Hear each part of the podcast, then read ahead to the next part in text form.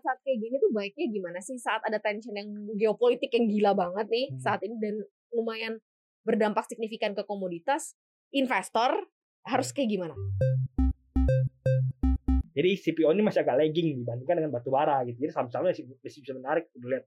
Ya most likely profitnya Mhm. bakal profitable tahun ini. Profit- Oke. bak- Bakal cuan gitu. Ke saham-saham atau emiten-emiten yang akan cukup diuntungkan nih nanti. Lo punya nggak stok yang kira-kira lo bisa share ke Sobat Cuan? Komoditas Paham Pantauan Saham. Makin paham makin cuan. Selamat datang di Paham, makin paham makin. cuan. Wih, apa kabar Bro Putra? Kabar baik orang baru nih. Wih, Biasanya nggak ketemu. Kak Wari hari di sini. Ya karena yang satunya sudah dapat ke tempat yang lebih baik ya. Congratulations. Yang jelas hari ini ada Maria Katarina dan juga ada Wah putra dari tim riset CNBC Indonesia. Oke, Tri Putra Wijaya pastinya yang kita akan bahas mengenai ya seperti biasa ya, paham selalu ada pemahaman-pemahaman baru terutama pemahaman apa yang harus diketahui oleh sobat cuan di tengah konflik yang tengah terjadi Rusia versus Ukraina ke saham. Ya, simpelnya sih kayak gitu sih ya. Ini sebenarnya kalau gue tanya dulu, eh, saat-saat kayak gini tuh baiknya gimana sih saat ada tension yang geopolitik yang gila banget nih Hmm. saat ini dan lumayan berdampak signifikan ke komoditas investor harus kayak gimana? Sebenarnya menarik ya koselnya Hmm. di apalagi di Indonesia kita lihat dari kemarin perang-perang udah mulai Rusia udah mulai nyerang Hmm. Ukraina Hmm. yang terjadi malah info asing ke kita malah gila-gilaan kan Mm-mm. malah sempat all time Mm-mm. high berapa kali kan nah itu memang ada beberapa alasannya yang pertama itu kan memang kita ini kan perang kan ngerek harga komoditas ya pastinya ya ya. ya berarti kita kan negara yang kom- komoditas kita Mm. seperti komoditas jadinya ya pasti diuntungkan gitu Mm, jadi mm. dana asing masuk nah pertanyaannya dana asingnya masuknya ke mana satu ya memang pasti ke saham-saham komoditas tersebut harganya terbang Hmm, batu bara Nah, gitu benar. ya Nah, satunya. satu lagi tuh pastinya itu misalnya ada ini view dari investor asing ya, investor asing big big money lah ada mau masuk ke IHSG Mm-mm. kan mau masuk ke Indonesia gitu. Karena ya sa- satu bullish di negara kita. Masuknya ke mana dulu? Pasti ke saham-saham banking dulu. Kenapa? Hmm, Karena hmm. bankingnya itu tulang punggung indeks, big capnya kan banking gitu. Hmm. Jadi kalau mau invest di Indonesia pasti gedenya di banking dulu, pasti banking dapat inflow asing lebih gede dulu. Jadi kalau lihat berapa hari kebelakangan ini ya yang dana-dana asing masuknya ke banking-banking itu gitu, BCA, BRI. Daya tariknya berarti bisa digunakan investor untuk mulai masuk gitu ke tadi beberapa saham-saham atau ke sektor yang lo pilih atau eh, yang lo bilang gitu ya atau seperti apa? Nah, ini pemilihan sektornya harus tepat dulu. Hmm. Lu mau masuk ke sektor apa gitu. Nah, yang oke tadi kan gue sebutkan, banking udah pasti kena. Kalau ada inflow asing masuk ke RI, pasti banking tuh udah pasti hijau. Inflow asing pasti udah net buy pasti gitu. Kenapa? Hmm, Karena gede. Kedua ya saham-saham komoditas ya walaupun satu udah contohnya kayak batu bara kan udah naik tinggi ya. Mm-mm. Tapi sebenarnya masih bisa masih bisa ada ada potensi kenaikan masih ada walaupun tidak banyak lagi. Hmm. Nah, yang menarik itu tuh saham-saham CPO. Kita tahu Oke, CPO oke. juga harganya terbang-terbang tinggi karena komoditi iya, iya, semuanya iya. komoditas semuanya terbang. Nah, CPO ini kan bisa kita lihat ya itu kenaikannya masih belum sebanding dengan kenaikan CPO-nya gitu. Hmm, Kenapa? Karena hmm. emang saham-saham CPO biasanya lagging terhadap itu komoditasnya. Kalau sudah batu bara, batu bara Newcastle hari ini terbang, sahamnya besok ikutan naik. Mm-mm. Kalau CPO hari ini terbang harga CPO Malaysia belum tentu kita punya ngekor gitu. Hmm, hmm. Jadi CPO ini masih agak lagging dibandingkan dengan batu bara gitu. Jadi saham-sahamnya masih, masih bisa menarik lihat. Ya most likely profitnya Mhm. bakal profitable tahun ini. Oke. bak- Bakal cuan gitu. Apalagi yang belum ikut naik ya, yang terkerek naik ya. Kalau Iya. batu bara kan udah jelas nih, terus beberapa saham juga naiknya udah ratusan persen. CPO mungkin bisa dilirik. Cuman ketika kita eh, mengambil apa ya makna dari peperangan yang terjadi antara Rusia versus Ukraina ini, sejauh mana ini akan cukup lagging, artinya cukup lama. Serapan dana asing pun nggak cuma mampir doang, tapi juga bertahan lama. Ataukah enggak gitu sebenarnya? Most likely ini kan di luar kan ada dana yang keluar ya di, Mhm. di- terutama di Eropa ya ada dana asing yang keluar ya. Kita tahu di Mo- MOEX dulu yang Rus, bursa Hmm, Rusia hmm, udah hmm, anjlok hmm. parah. Di bursa-bursa Eropa juga masih yang terdampak langsung dengan adanya perang ini kan masih anjlok parah. Hmm. ya dananya kan keluar ke mana ya salah satu mungkin ke komoditas langsung ya beberapa mungkin ada nyecer-nyecer ke IHSG kita gitu Jadi itu nyecarnya lumayan ya. ya nyecer lumayan walaupun cuma ceceran doang tapi gede gitu Tapi belum selesai ya menurut lo? ya masih belum Bahwa apre- apresiasi ke indeks yang kemarin udah sempat nyentuh ke 7000 gitu kan. Kalau hari ini nih ketika kita lagi ngobrol sih indeksnya sebenarnya masih, merah nih masih ya. net sell sekarang hari ini net sell ya memang kan pas udah terbang gede kan pasti mereka net sell dulu kan netralin harga gitu yang lain juga pada taking profit gitu kan udah Hmm. all time high kemarin nah mungkin di, di buy buy buy terus je- jebolin terus gitu jadi ya biasanya bakal ada cooling, cooling down dulu tapi cooling downnya pasti nggak bakal lama gitu tapi ya Hmm. secara jangka menengah itu masih bakal dana asing masih bakal masuk gitu Mhm. Ini dalam hitungan berapa lama nih? Dalam satu tahun ini kah masih peluang itu besar atau eh, nggak sampai setahun Ya, sebenarnya? Karena kita beberapa- kan udah gini konflik itu kan udah sering banget Nah. kejadian.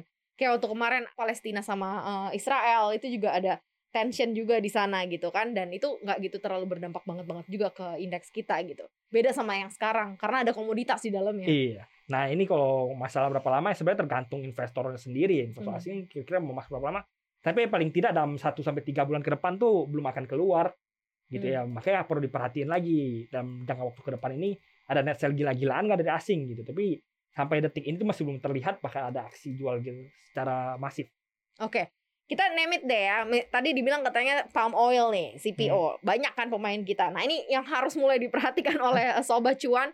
If you name it, artinya adalah harus sebutlah ini s- yang mana sahamnya gitu kan. Dan Ya, yang capsnya besar kayak Aali atau London Sumatera atau SMSS atau sawit sumber mas atau apa yang mana nih yang Ya kalau kira-kira misalnya sobat cuan memang carinya selamat sampai tujuan ya pasti yang capnya paling gede Ali Ali kan. Heeh. ya kalau mau cari yang emang gerakannya apa kayak oplet yang hajar kanan hajar kiri ya cari aja yang GZKO kan kemarin kan lagi Oh, sempat, iya, iya, sempat iya, apa iya, naik turun naik turun lalu ya saham-saham saham-sahamnya tanda kutip small capnya CPO ya itu kan Mm, banyak banget mm, yang bisa mm. yang yang emang geraknya agak agak-agak naik turun naik turun kencang gitu tapi kalau misalnya memang pengen ngikutin aman ya ke Ali aja gitu karakternya akan seperti apa sih? Artinya uh, ketika lo akan mulai ngebit saham-saham yang partnya misalnya palm oil, ini akan lo tunggu sampai nanti peak gitu, artinya udah naik sekian persen lo lepas. Artinya mainnya singkat aja deh, jangan disimpan buat jangka lama atau justru disimpan buat jangka lama. ya ini kan kenaikan harga komoditasnya kan nggak bakal bulan depan nggak bakal turun tahun depan juga belum tentu turun kenapa karena satu perang dua masih ada komoditas super cycle juga dari covid ini kan masih belum usai juga ya artinya Hmm. saham-saham CPO ini bakal harga CPO-nya sendiri ini bakal bertahan tinggi dalam waktu yang lama Hmm. nah kuncinya itu ya, masih bakal tinggi-tinggi terus gitu nggak bakal apa bulan depan nggak bakal total longsor harga CPO nggak mungkin gitu karena masih panjang ceritanya ini Hmm. jadi kalau misalnya sobat cuan pengen simpan dalam jangka waktu panjang ya masih aman gitu masih oke Jangka panjang tuh bisa 2 sampai 5 tahun gitu satu ya. tahun satu setengah tahun dua tahun oke Satu setengah tahun, 2 Iya. tahun gitu ya untuk kalau sampai lima tahun mungkin udah udah udah usai kali ya kalau satu tahun ke depan dua tahun ke depan masih akan tinggi harga CPO Itu satu, karena satu setengah tahun ke depan itu karena memang sahamnya belum terapresiasi dari komoditasnya, harga komoditasnya ya, Iya, palm oil ya. yang saya ngomong ini ini apa komunitasnya dalam satu sampai satu tahun ke depan masih akan tinggi harga CPO Begitu juga dengan batu bara yang udah sampai 400 Iya, USD. begitu juga dengan batu bara 400 US dollar. 400 US ini kan harga super tinggi ya kalau lu ngomong batu bara itu 70 aja tuh udah, cuan Benar, karena kan Iya. biayanya 30 katanya. Iya 70 tuh aja udah cuan apalagi lu jual 400 100 aja udah cuan 200 apalagi udah lu Lu lihat ini udah peak belum? Apa? Udah peak belum? kalau mau 400 ngomong ini. peak itu Waktu itu gua ngobrol sama uh, ketua APBI dan dia mengatakan mungkin bisa 300 tapi 300-nya udah udah apa? Udah tembus ya. nah ke makanya ini 400. ngomong apa seminggu doang, seminggu ya, yang lalu. makanya ini agak Gokil. yang yang dilihat ini apa kondisi sekarang kan abnormal namanya ya Mhm. misalnya besok amit-amit perangnya pecah ke mana-mana nggak cuma di Rusia Ukraina bisa pecah ke satu Eropa lalu pecah lagi ke perang Mhm. dunia kan Mhm. pasti makin gila-gilaan gitu jadi harus harus kalau ngomong peak nggak peak ya harus mantau terus Mhm. kondisi ini tuh gimana gitu masalah geopolitik ini gimana kondisinya saat ini di sekarang di sana gitu Mhm. Berarti dari 400 ini pun juga belum tentu itu akan uh, selesai begitu ya harga komoditasnya. Mungkin aja lebih tinggi dari itu ya Putri. iya bisa bisa kembali naik kalau misalnya perangnya menyebar meluas gitu tapi ya Oke, kita tentu oke. kan pengennya yang baik-baik aja ya gitu nggak bakal kema apa ya aman-aman aja lah semoga ya damai-damai aja gitu Berarti lo ngelihat bahwa sebenarnya dampak perang ini justru malah memberikan banyak uh, kesempatan cuan yang cukup gede dong ya di beberapa saham ya. iya di Atau beberapa bahkan sektor justru mayori- mayoritas akan uh, terjadi cuan enggak di, di tahun ini enggak? di, enggak di tahun ini ada beberapa sektor-sektor yang yang bakal dirugikan ya dengan perang ini ya Apa tuh misalnya? contohnya ya, salah satunya Hmm. misalnya kan lu kan ngomong perang harga komoditas naik Hmm. komoditas naik berarti barang-barang lain juga ikut naik kan Hmm. artinya apa inflasi misalnya inflasi tinggi misalnya di US inflasinya tinggi nih ya the Fed terpaksa naikin suku bunga Hmm. kemarin katanya di Maret kata Bang J Powell itu Maret mau naik 0,25 gitu Mhm. kan Mhm. ya April mau naik 0,25 atau gitu ya ini kan udah kasih sinyal-sinyal ke pasar ya bentar, bentar lagi gue naikin ya bentar lagi gue naikin ya Hmm. jadi bisa jadi bisa naik dalam waktu lebih cepat dan lebih banyak gitu nah biasanya misalnya suku bunga dinaikin saham-saham yang terefek rugi itu kan saham-saham teknologi gitu. Jadi ya Hmm. tidak menarik lagi. Kenapa? Karena biasanya teknologi saham-saham teknologi masih rugi. Jadi orang-orang tuh valuasinya cuannya ke depan gimana gitu. Kalau Hmm. cuan ke depan gimana kan saat ngomong tentang sangat erat dengan suku bunga ya. Nah ya udah kalau suku bunganya dinaik naik naikin terus ya saham-saham teknologi jadi nggak kurang menarik gitu. Jadi tinggalkan saham teknologi dong sekarang. ya untuk sementara uangnya emang udah beralih. Karena saham teknologi yang kemarin turunnya belum balik naik lagi buat ya karena emang diterjang ini lagi ya. ya uangnya pindah ke komoditas converse lu uangnya kan itu apa putaran uangnya cepet banget ya dari sini pindah ke sini pindah ke sini ke sini Nah, kalau nggak menarik tinggalin pindah baru yang menarik apa yang menarik ini beli itu Hmm. Banking juga berarti banking yang ada teknologi-teknologinya digital sih enggak? ya enggak. banking banking digital yang masih merugi kalau banking banking udah Oh, untung kayak BCA BRI gitu udah cuan banyak ya kan udah ngomongin suku bunga lagi gitu udah ngomongin valuasinya langsung cuan berapa sekarang valuasi ini valuasi itu gitu bukan ngomongin oh saya masih rugi nanti untung ke depan gimana. Nah, itu yang harus sangat sangat tek- dekat kali latarnya dengan suku bunga gitu. Nah, sekarang kalau kita lihat secara keseluruhan di performa indeks deh, indeks harga saham gabungan ya kan eh, 7000 tuh bahkan level yang dipercaya akan disentuh oleh indeks tuh tahun lalu bahkan ya, tapi ternyata nggak sampai di tahun lalu di 7000. Tahun ini kemarin kalau nggak salah sempat ya, sempat nyenggol dikit gak sih Nggak- 7000? nggak sempat ya, 69 69 sekian. something something ya. Nah, sekarang eh, yang lo lihat nih nanti akan seperti apa dampaknya ke performa indeks atau ke aset-aset eh, portofolio kita di tujuh ribu negeri? itu kak nggak ada perang aja dari Mungkin analis anda sudah analis 7.000. anda sudah Ah, predik tujuh ribu Eh, kayak dari kita CNBC juga predik tujuh ribu buat tahun ini gitu jadi apalagi ada ada perang yang nguntungin kita yang emang komoditas gitu yang akan lebih tinggi dari itu nggak? Akan di adjust lebih tinggi lagi nggak? Biasanya mau nunggu sampai H1 selesai biasanya. H1 selesai kita bisa adjust lagi. Tapi most likely tujuh ribu itu dalam waktu semester pertama ini bisa kena. Oke. Semester uh, pertama ini bisa uh, apa namanya kena ke tujuh ribu. Jadi nggak usah nunggu sampai akhir tahun ya? Iya bisa noel noel lah tujuh ribu. Soalnya uh, karena gue ngerasa banget nih gue off uh, sebentar begitu ya uh, di tahun lalu tahu-tahu indeksnya udah 67, 68 gitu. Kayak lupa aja gitu ya bahwa ada pergerakan indeks harga saham gabungan. Ternyata juga karena Rusia sendiri juga sekarang lebih menguntungkan lagi nih untuk pergerakan indeks harga saham gabungan. Well, kita ke saham-saham atau emiten-emiten yang akan cukup diuntungkan nih nanti. Lo punya nggak stok yang kira-kira lo bisa share ke Sobat Cuan? komoditas satu Ya komoditas kan nggak bisa lo sebut komoditas Iya, randomly. Eh, Semua komoditas juga akan Nanti gue dicari, gue dikira pom-pomin saham gitu. Emang emang Enggak, kan lo bisa Emang. ngomong basicnya lah. Misalnya karena dominasi ekspornya tinggi, misalnya. yang Kalau satu misalnya tadi gue kita... udah sebut ya itu apa big capnya komoditas. Mm-mm. Apa big capnya CPO, Ali. Kalau mau yang agak loncat-loncat dikit ya GZKO. Tapi ya Mm. ini semuanya apa harus dipantau lebih lanjut ya gitu nggak bisa langsung lihat langsung buy langsung HK gitu ya. Iya makanya tadi ketika lo bilang komoditas namanya. kan nggak mungkin semua. Makanya per, apa stok bikin sendiri gitu biasanya kan saya biasanya kan gue kasih sektor-sektor doang sektor Stock ini menarik, ini akan yang berhenti menarik. di big caps aja atau bisa lu diversifikasi caps juga nih? menarik big caps juga menarik kalau mau ngambil ngambilin Komoditas big BRI, caps BRI, gitu ya. BRI kalau mau ngambilin Oh, BRI, oke, CCA itu mandiri BNI karena outflow-nya pasti ke sana.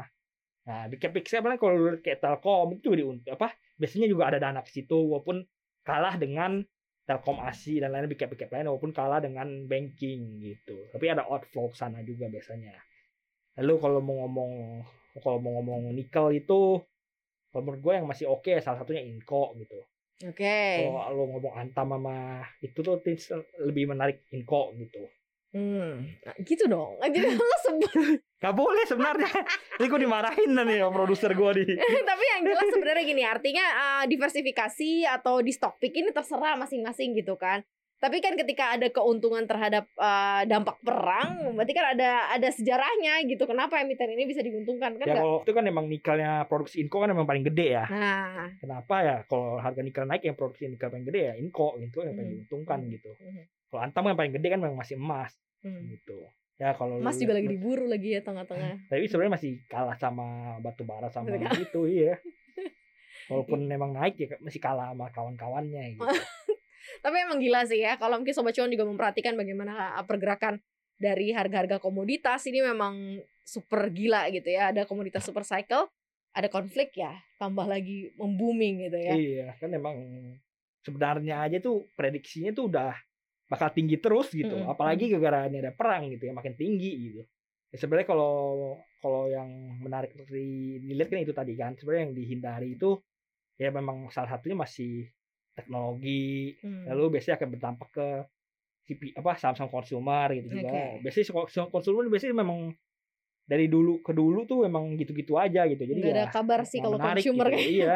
menarik. Apalagi di tengah-tengah di tengah-tengah kondisi kayak gini sebenarnya lu hold saham konsumer opportunity loss. Hmm, Oke.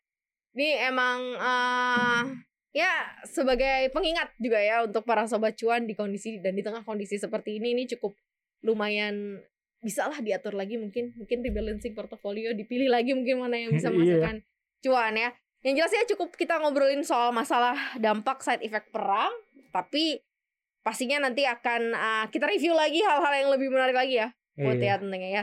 Thank you banget Sobat Cuan udah dengerin cuap-cuap cuan hari ini di Paham, makin paham makin cuan. Jangan lupa untuk uh, dengerin kita terus di Spotify, Apple Podcast, Google Podcast, dan juga Anchor. Follow akun Instagram kita di @cuap underscore cuan dan juga subscribe YouTube channel kita di cuap-cuap cuan pastinya. Thank you banget udah dengerin Paham. Maria Katarina pamit dan juga Bye bye, gua Tri Putra pamit undur diri. kenapa duluan. Bye. Bye bye.